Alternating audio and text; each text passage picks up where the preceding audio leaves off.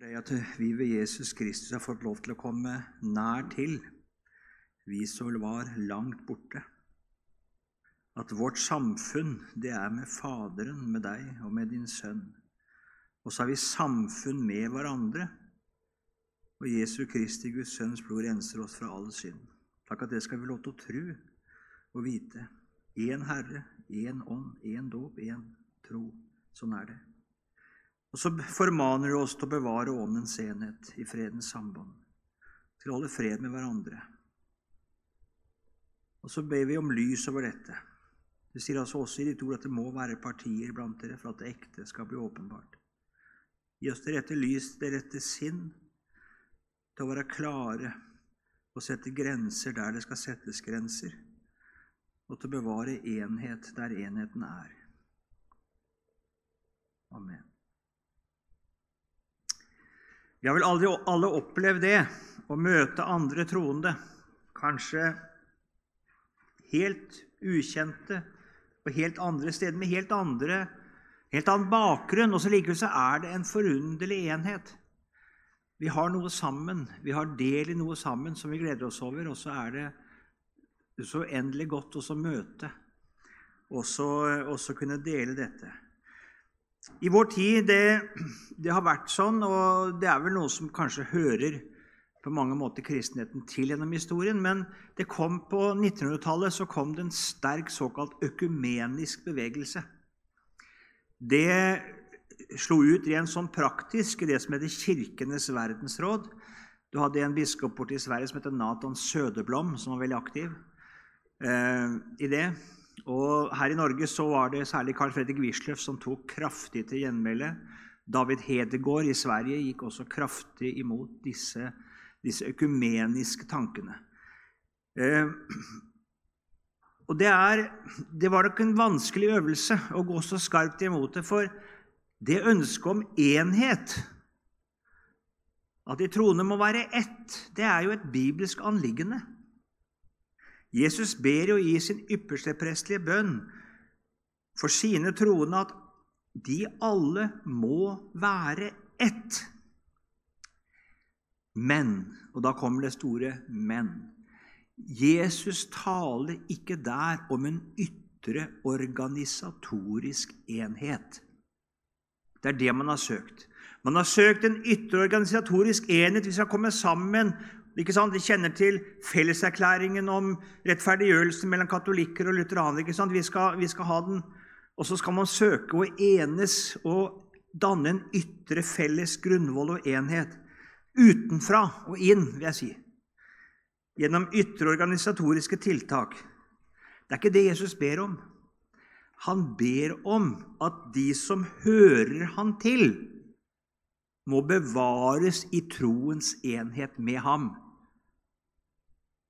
At vi ikke må falle fra, at vi ikke må komme bort ifra han, men bevares i enheten som han har med Faderen, at vi bevares i enheten i troen med han. Og Her er det slik at det at vi er ett, vi som tror på Jesus, det er en trossannhet. Det er ikke noe vi ser, men det er en trossannhet. Vi tror på Den hellige ånd, én hellig, alminnelig kirke. De helliges samfunn, det tror vi. Det er en enhet. Alle de som hører Jesus til, er ett med Han, og de har samfunn med hverandre fordi de har del i den samme frelse de er del i Jesus. De er del i den samme ånd, den samme tro. En usynlig enhet, en åndens enhet. Vi formanes til å bevare den. Det står i Efeserbrevet 4, vers 3-6. Legg vind og legge vind på å bevare åndens enhet i fredens sambånd.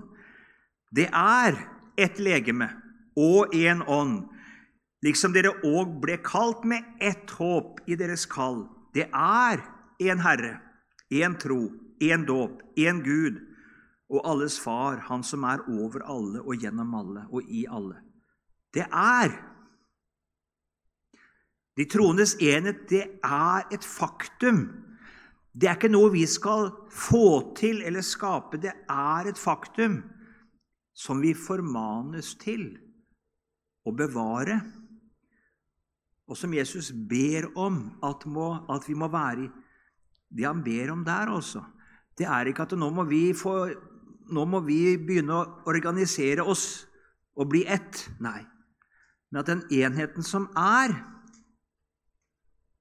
at ingen altså må komme bort ifra den. Det skjer ved frafall. Det er en enhet på sannhetens grunn. Det ligger i sakens natur. Det er en enhet på Skriftens grunn. Det er en enhet i troen på Jesus slik som Jesus er åpenbart. Det er ikke slik at enheten begynner med et ytre fellesskap, hvor vi er sammen, og så er vi gode venner, ikke sant? og så får vi etter hvert prøve vi kan komme, liksom finne en felles læregrunn. Nei, det begynner ikke der ute med det ytre fellesskapet. Men det begynner der inne, med forholdet til Jesus, forholdet til Hans ord, til læren. Og så formanes vi da ut ifra det og bevares i denne enhet i Jesus. At vi må stå fast i denne enhet, stå fast i troen på Jesus, stå fast i troen på Hans ord. Bli i dette og bevare denne enhet, og ikke komme bort ifra den. For det er ikke noen enhet mellom lys og mørke. Det er ingen enhet mellom sannhet og løgn. Det er ingen enhet mellom Kristus og Belial. 2. Korinterbrev 6, fra vers 14.: Dra ikke fremmed åk med vantro. For hva delaktighet har rettferd med lovløshet, eller hva samfunn har lys med mørke? Og hva samklang er det mellom Kristus og Belial? Eller hva samfunn har en trone med en vantro? Hva enighet er det mellom Guds tempel og avguder? Vi er jo den levende Guds tempel, som Gud har sagt. Jeg vil bo hos dem og ferdes iblant dem. Jeg vil være deres Gud, og de skal være mitt folk. Gå derfor ut fra dem og skill dere fra dem, sier Herren, og rør ikke noe urent. Da vil jeg ta imot dere. Da er vi midt inne i si, en situasjon som var i den gamle testamentlige tid, hvor det kom altså urenhet inn i Israel. Augustdyrkelsen den kom inn under navn å være tro på Herren. Du skal ikke lenger si til meg, sier Gud gjennom profeten Amos, 'min Bal'. Altså Folket mente det når de sa Bal, Herre, at det var Gud. Men Gud sier nei. Det er ikke meg. Det er ikke meg. Dette er avgudsdyrkelse. Gå ut fra dem. Skill dere fra dem. Her er det ikke samfunn. Sånn er det i vår kristenhet. Så er det en Jesusforkynnelse. Det er en herreforkynnelse, en gudsforkynnelse, som ikke er Bibelens Gud. Det er ikke samklang, det er ikke samfunn mellom denne forkynnelse av Gud og Bibelens Gud, for det er ikke den samme. Gå ut fra dem, skill dere fra dem. Ha ikke noe med det å gjøre. Her er det ikke enhet, og det kan ikke være enhet. Ikke, det er ingen enhet. og Derfor skal det heller ikke være noen enhet. Det er altså ikke alt som går under navnet kristendom eller gudstro vi kan stå i samfunn med og ha enhet med. Jeg husker at en tidligere, en, en tidligere redaktør i Dagen sa det som en, på en, måte en programartikkel, eller programmening, eh, at de, de skulle skrive og ha plass til alle som talte vel om Jesus. Ja, det er det mange som gjør. Men er det Bibelens Jesus? Veldig åpenhet for karismatikk hos denne personen. Veldig åpen for masse som jeg må si ikke var bibelsk. Men det var liksom enhetsgrunnen, alle som taler vel om Jesus. Det holder ikke. Det holder ikke. Det går en grense, altså, for kristen enhet. Det går en grense for samarbeid. Hvor går den hen? I Efesbrevet 4,6 så sto det om én Herre, én tro, én dåp, én Gud og alles Far. Det er umulig altså å ha kristelig samfunn med noen som ikke tror de grunnleggende frelsessannhetene slik som vi møter dem i Guds åpenbaringsord i Bibelen. Vi kan ikke ha samfunn med noen som ikke tror på Guds sønn, kommet i kjød, på Jesus Kristus som sann Gud og sant menneske, død til soning for våre synder. Det utelukker allerede, kan ta noen. Der utelukkes Jehovas vitner. Der utelukkes Smiths venner. Nå har de fått en mer sånn kristelig Men det ligger en del ting der fra historisk, og jeg tror ikke de har forlatt det. Jesus er ikke den framstilt hos dem slik som han gjør i Bibelen. Vi kan ikke ha samfunn med noen som ikke er døpt til Kristus Jesus og gjennom dåpen har blitt ett med ham og fått del med ham. Det er ikke først og fremst ikke her om dåpen som handling, når det står én dåp, men det vi får del i i dåpen og troen på Jesus, altså enheten i Kristus, delaktigheten i Guds ånd. Det står sånn i Galatbrevet 3.: For dere så mange som er døpt til Kristus, har ikledd dere Kristus. Her er det ikke jøde eller greker, her er det ikke trell eller fri, her er det ikke mann og kvinne. For dere er alle én i Kristus Jesus. Det er enheten i Kristus Jesus som vi er døpt til.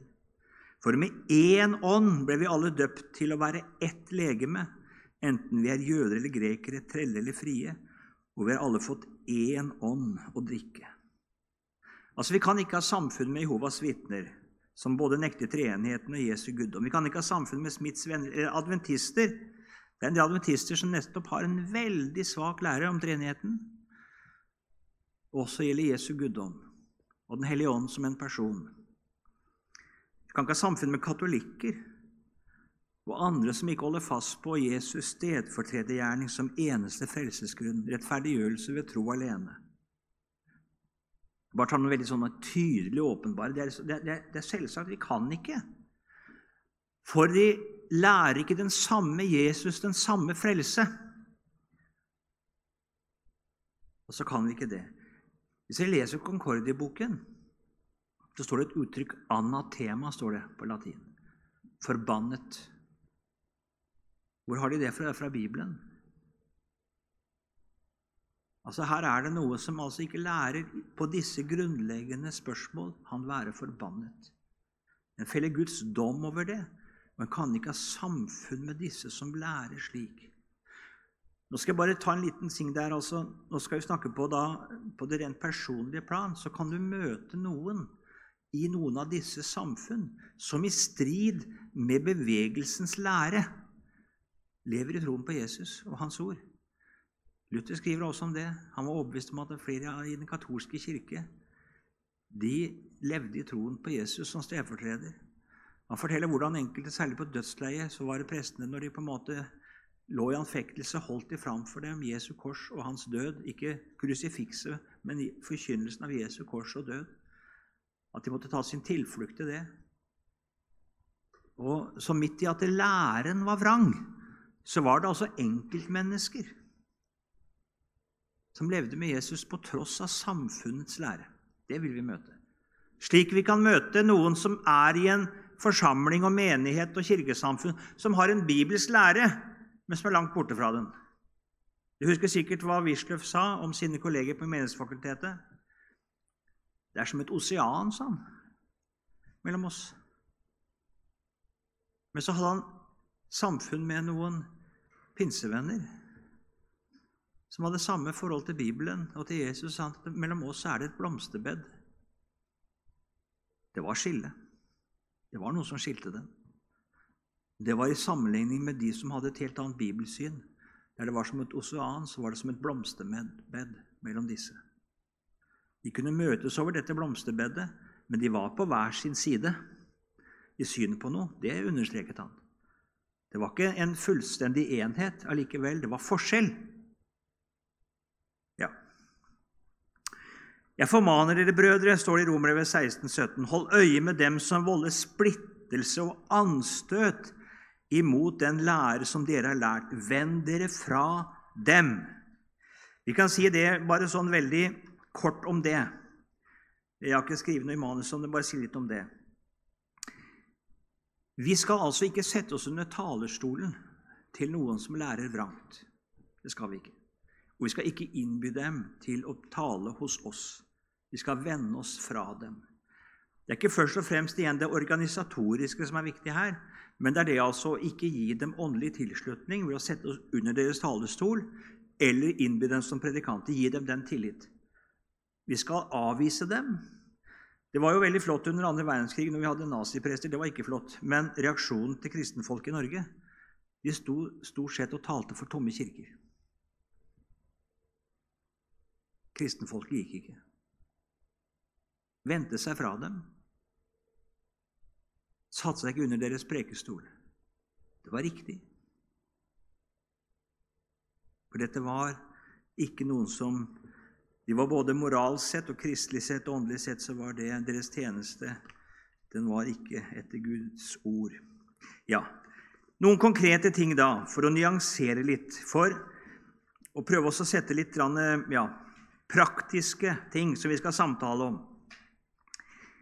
Vi kan samarbeide med andre kristne, og til dels også ikke-kristne, i ulike moralske spørsmål på det politiske plan. Det er ikke noe problem å samarbeide med katolikker i kampen mot abort. Det er mange meget sterke, gode abortmotstandere blant katolikkene eller mot likekjønnet ekteskap. I synet på enkelte moralske spørsmål så kan vi altså, og Der fins det også verslige mennesker med en idealistisk, moralistisk holdning som vi kan stå sammen med. Som har en moral og har en slags tenkning om mennesket som på disse områdene gjør at vi kommer til felles konklusjon. Vi kan samarbeide med dem om det. I et livsrett og menneskeverd, organisasjon eller Provita eller hva det heter for noe. Det, det er godt mulig. Det er ikke et kirkesamfunn, det er et konkret politisk spørsmål vi er på i det verslige regimentet. Der kan vi samarbeide.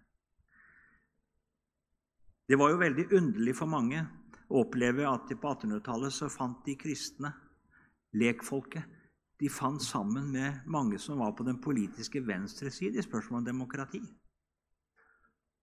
imot embetsverket og for, formannskapsloven i 1888, så fulgte ikke kristenfolket lekfolket. De fulgte ikke Høk og, og embetsverkets prester. Nei, de sto på en annen linje. Fant sammen med politisk, altså mennesker som ikke kristne. Helt andre. Det er mulig. Det er mulig. Det hører hjemme på det politiske og det verste regimentet, ikke det åndelige kristne skoler, mange sånne steder. Så kan vi samarbeide med andre kristne i enkeltsaker der vi står sammen. Og så er det en pinsevenn, baptist, kalvinist, som har det samme bibelsyn. Så kan vi samarbeide om bibeloversettelse. Det var nettopp det Wisløff gjorde, ikke sant? Med Thorvald Gilbrandt. Han fant sammen en som hadde det samme grunnleggende bibelsyn. Og så kunne de arbeide sammen om å oversette Bibelen. Det er ikke et kirke... Det er ikke et forkynnelsesfellesskap. Det er ikke et bekjennelsesfellesskap. Det er en konkret sak på det kristelige området hvor vi kan stå sammen i enkeltsaker. Bibelspredning. Du har Gideon, som er en sånn bevegelse som ikke er konfesjonell, men hvor kristne fra ulike samfunn kan stå sammen om å spre bibler. Det er mulig. Israels organisasjoner kan det være. Det er sånne konkrete moralspørsmål og sånne ting kan vi stå sammen med andre. Så det tredje, allerede nevnte, vi kan ha åndelig samfunn på det personlige plan med kristne som har en, lære, en, en annen lære i enkelte spørsmål. Så lenge vi har åndelig tillit til at disse har det samme forhold til Skriften og til frelsen i Jesus Kristus. Vi møter en i vår bygd, samtaler på det personlige plan, og så ser vi å, her er en som har det samme forhold til Bibelen. Han gleder seg over den, han leser i den, og han fryder seg over frelsen i Jesus. Ja, men han er jo pinsevenn. Ja, ja, men jeg kjenner Åndens samfunn. Det er flere av oss som kan si det slik.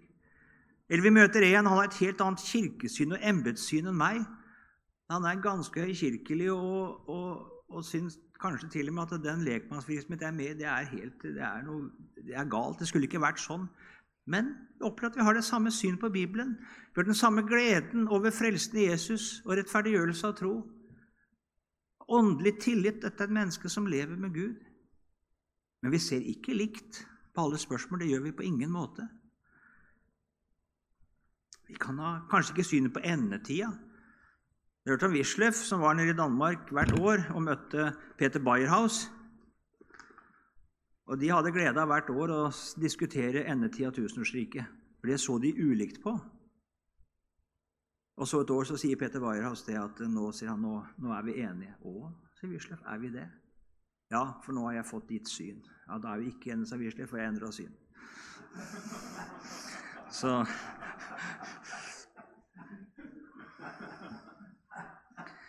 Så, sånn at, men det var ikke noe til noe forhinder at de kunne ha samfunn. De hadde samme forhold til Jesus, samme forhold til Bibelen. De forsto skriftord. Enkeltting forskjellig. Men de hadde samfunn likevel. Kanskje han sitter og hører noe Gunnar Nilsson. Vi tenker litt ulikt om hvordan det var med apostlene før pinsedag. Vi tenker litt ulikt om forskjellige ting. Vi har åndelig tillit til hverandre likevel. Men vi forstår ikke alt likt. Det gjør vi ikke. Lars og jeg har jobba sammen i 30 år. og har, Jeg har uendelig stor tillit til Lars. Nei, vi tenker ikke likt om alle spørsmål. Gjør ikke det. Men vi kan ha grunnleggende åndelig tillit likevel til hverandre. Tenk på apostlene, som hadde så lite lys over Jesu korsdød. Det hadde de. Jeg mener at de likevel var troende. At de var, de var rene i kraft av det ordet som de har tatt imot hos Jesus, selv om forståelsen var meget mangelfull om noe så sentralt som Jesus' stedfortredergjerning.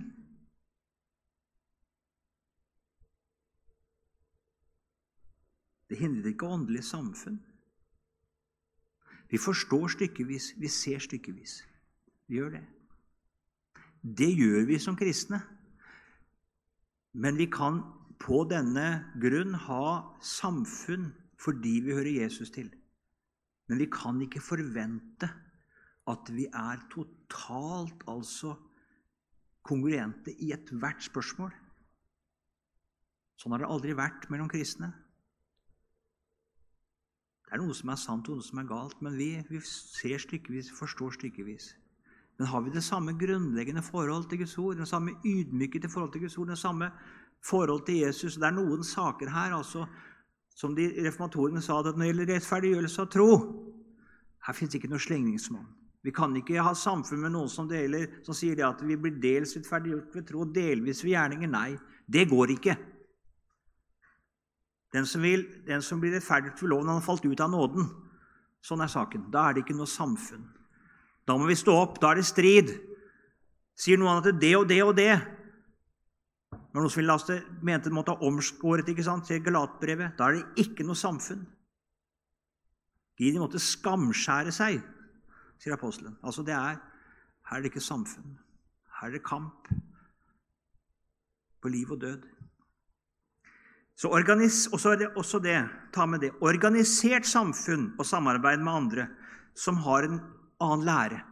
Det er noe annet enn åndelig samfunn på det personlige plan.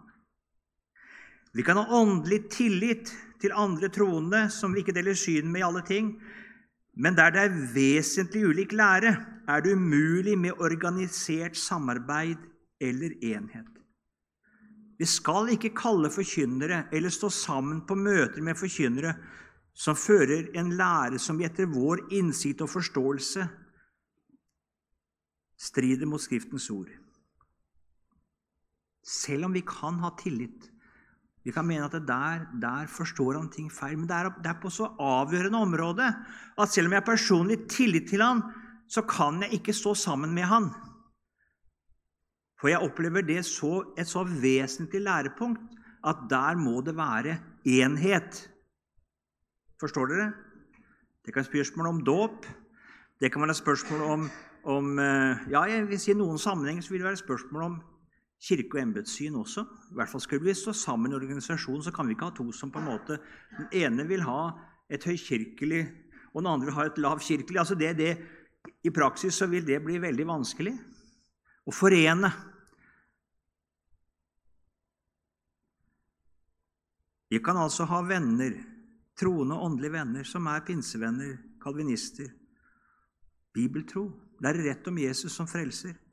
Men så har de en helt annen lære i spørsmål om dåp, utvelgelse, forutbestemmelse eller på et annet område. Vi opplever det at nei, her kan vi ikke vi kan ikke gi håndslag til det. Det er såpass viktig. Det er, det er kanskje bare som et blomsterbed, men det er likevel. Det skillet er for stort. Vi kan ikke stå sammen organisert. Vi skal gjerne samtale om det litt videre. Så må vi si det. Med en annen lære må vi ikke bruke millimetermål. Fordi vi forstår stykkevis, så vil vi altså oppleve det at folk vi har grunnleggende tillit til, og som vi står sammen med, og føler virkelig åndens samfunn med, så forstår vi altså Så jeg nevnte noen navn her som jeg så sammen på pregestolen her og jobbet sammen i mange år. Men vi forstår ikke alt likt. Vi gjør ikke det. Kommer kanskje aldri til å gjøre det heller. Da vil noen si at da kan du ikke ha samfunn. Vi kjenner, kjenner kanskje til Wisconsin-synoden i USA. Den har en veldig streng lære om kirkefellesskap. Og det er slik at Hvis man ser ting, forskjellig på ting, så må man, da, da kan man ikke ha samfunn.